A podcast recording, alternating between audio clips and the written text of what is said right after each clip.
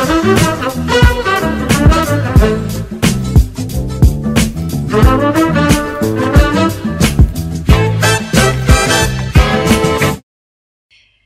datang di Lini Podcast, ngobrol dekat tentang gaya hidup sehat. Pada episode sebelumnya, kita sudah membahas tentang puasa dengan skip breakfast, amankah?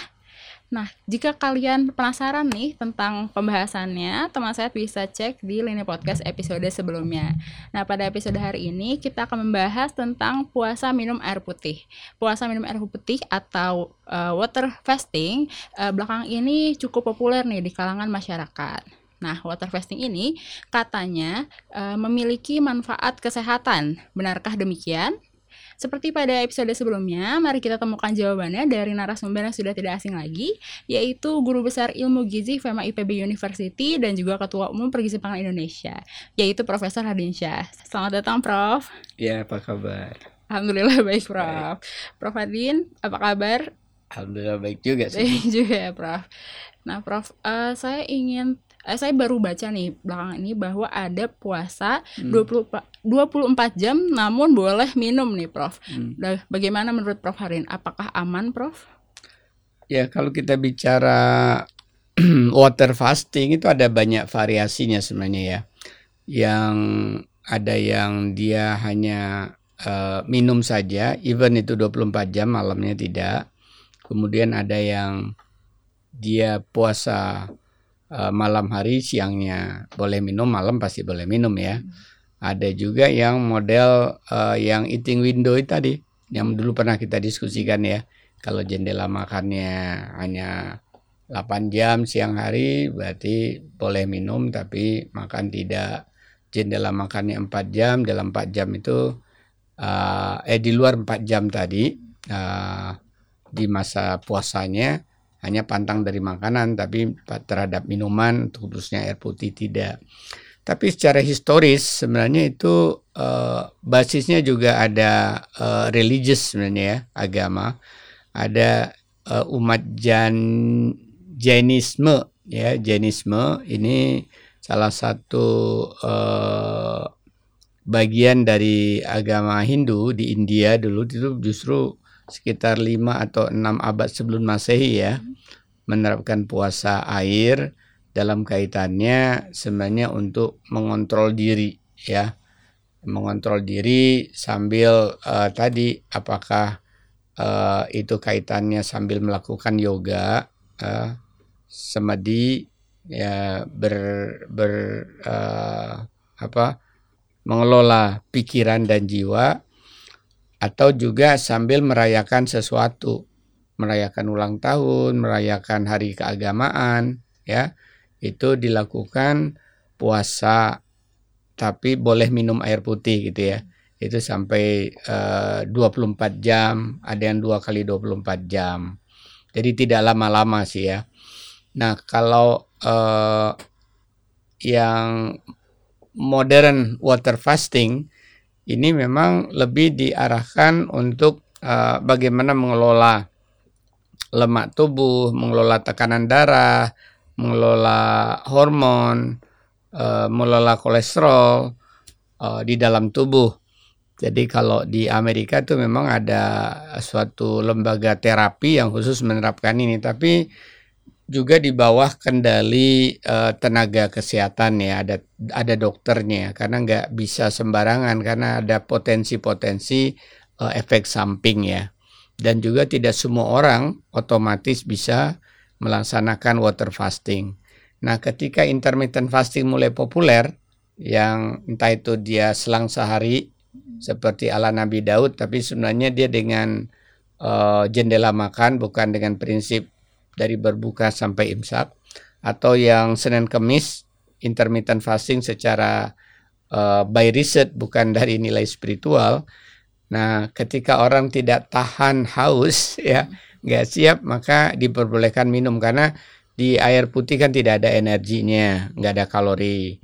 Kemudian juga uh, uh, sering kali ketika uh, di waktu boleh makan uh, nggak cukup ya uh, minum yang mereka konsumsi ya sehingga uh, dibolehkan uh, minum air dengan logikanya untuk melancarkan metabolismenya ya karena ketika jam makan minumnya kurang gitu kan. Hmm.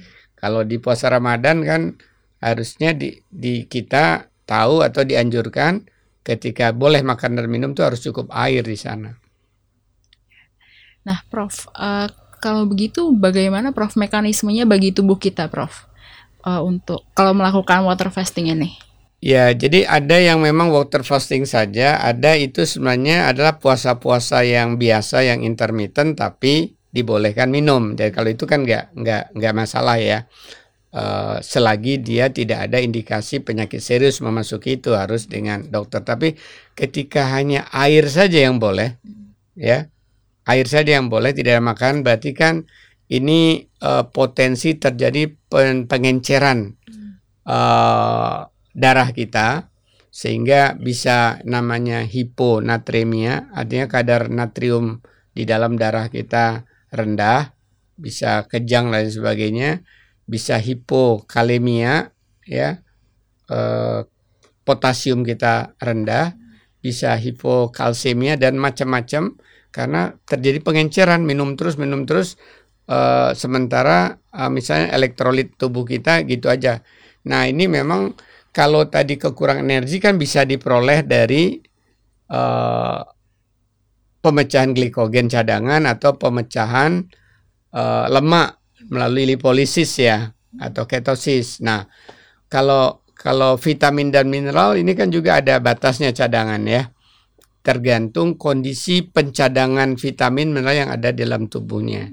Ya, bisa jadi kalau tadi kondisinya dia nggak tahu orang gemuk kan tidak berarti uh, vitamin mineral cadangannya bagus ya. Hmm. Dan tidak semua vitamin bisa dicadangkan, hmm. ya kan?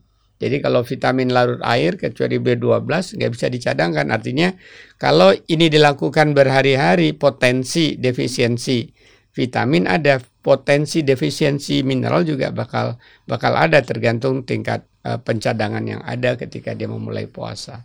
Hmm, berarti apakah ada potensi gangguan kesehatan ya, Prof? Iya. Jika dilakukan. Iya, betul. Potensi gangguan kesehatan potensinya tadi defisiensi uh, zat gizi. Kalau zat gizi makro dalam arti energi yang bisa diperoleh dari cairan tubuh hmm. tentunya kalau orang tadi masalahnya karena gemuk ingin menurunkan berat badan hmm. tentunya cadangannya akan digunakan hmm. tapi ketika uh, cadangan vitamin dan mineralnya tadi nggak memadai hmm. maka itu bisa jadi mengalami defisiensi gizi mikro jadinya ya hmm.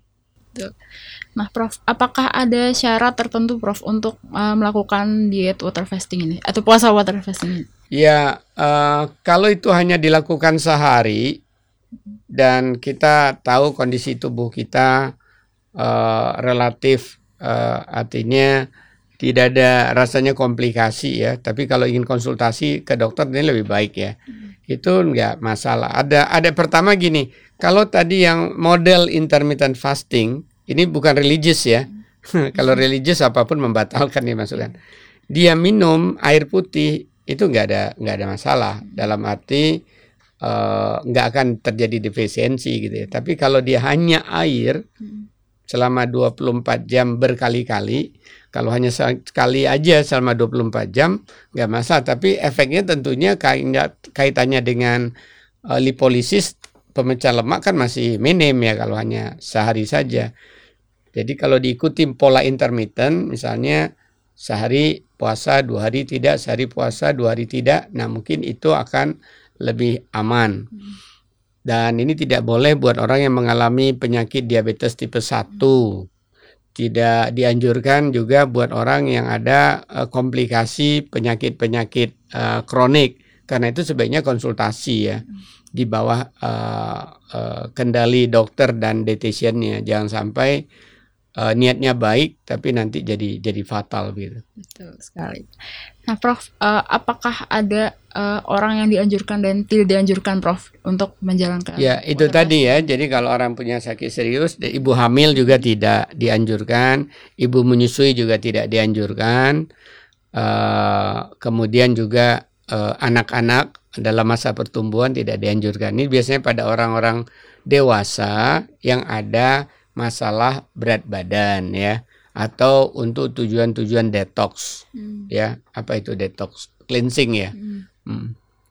Nah, Prof, eh, apakah ada kiat dari Prof Harin sendiri nih untuk menjalankan eh, saya sendiri nggak nggak pernah water fasting ya Hmm. tapi eh, dari beberapa penelitian yang saya eh, pelajari saya kaji dari beberapa riset-risetnya ada yang pada binatang ada yang udah pada manusia kajian klinik ya eh, betul sih eh, bisa bermanfaat dalam mengendalikan tekanan darah kolesterol lemak tubuh ya tapi eh, penelitian ini kan terkendali diawasi ya ya nggak nggak dibuat bebas begitu saja. Nah karena itu kalau ingin melakukan water fasting yang murni bukan yang tadi sambil eh, window eh, eating window yang intermittent fasting ini memang perlu konsultasi dan di bawah pengawasan. Itu eh, sebaiknya demikian. Karena bisa dibayangkan ya ketika orang eh, nggak makan apa-apa selama dua kali 24 jam hanya minum air saja misalnya 2-3 liter itu pasti terjadi pengenceran ya eh, darahnya. Pengenceran darah ini kalau dia tadi terkategori hipo eh, natremia ya suhu badannya eh, akan berubah kemudian otot kerjanya terganggu bisa pingsan itu eh, hiponatremia. Even itu hipokalemia juga bisa.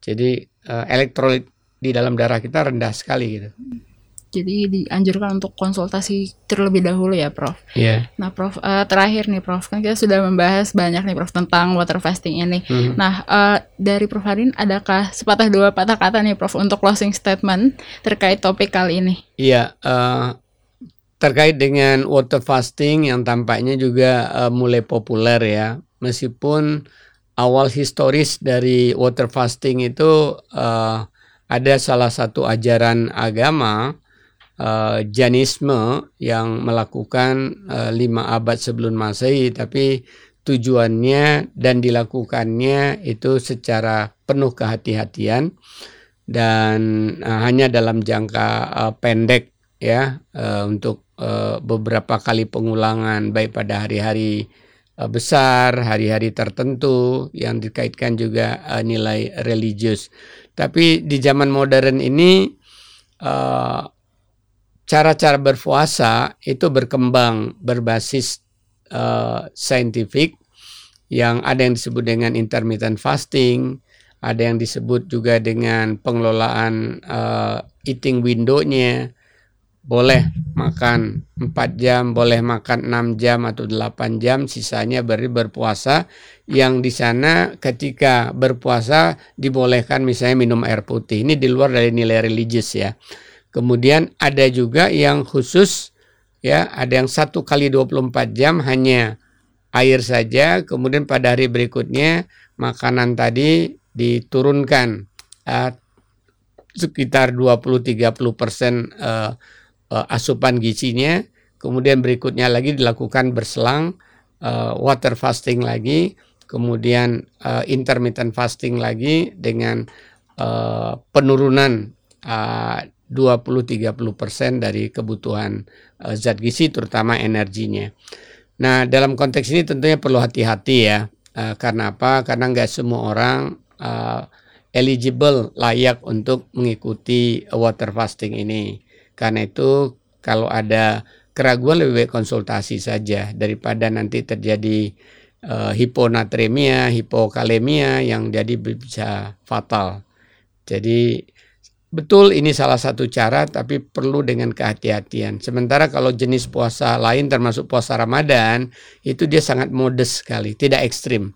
Sementara water fasting ini eh, bisa dalam kondisi ekstrim yang patut diawasi cara melakukannya. Baik, terima kasih Prof. Hardin atas sharing ilmunya tentang uh, puasa minum air putih. Uh, terima kasih juga kepada teman sehat yang telah menyaksikan episode ini dari awal hingga akhir acara. Jangan lupa untuk saksikan terus Lini Podcast setiap hari selama bulan Ramadan, eksklusif di channel YouTube Lini Sehat dan juga Spotify. Nah, jangan lupa untuk tetap jaga kesehatan dan terapkan protokol kesehatan di mana pun teman sehat berada. Stay safe and stay healthy. Sampai jumpa di Lini Podcast episode berikutnya dengan topik lebih baik puasa atau very low calories diet. Sampai jumpa teman sehat.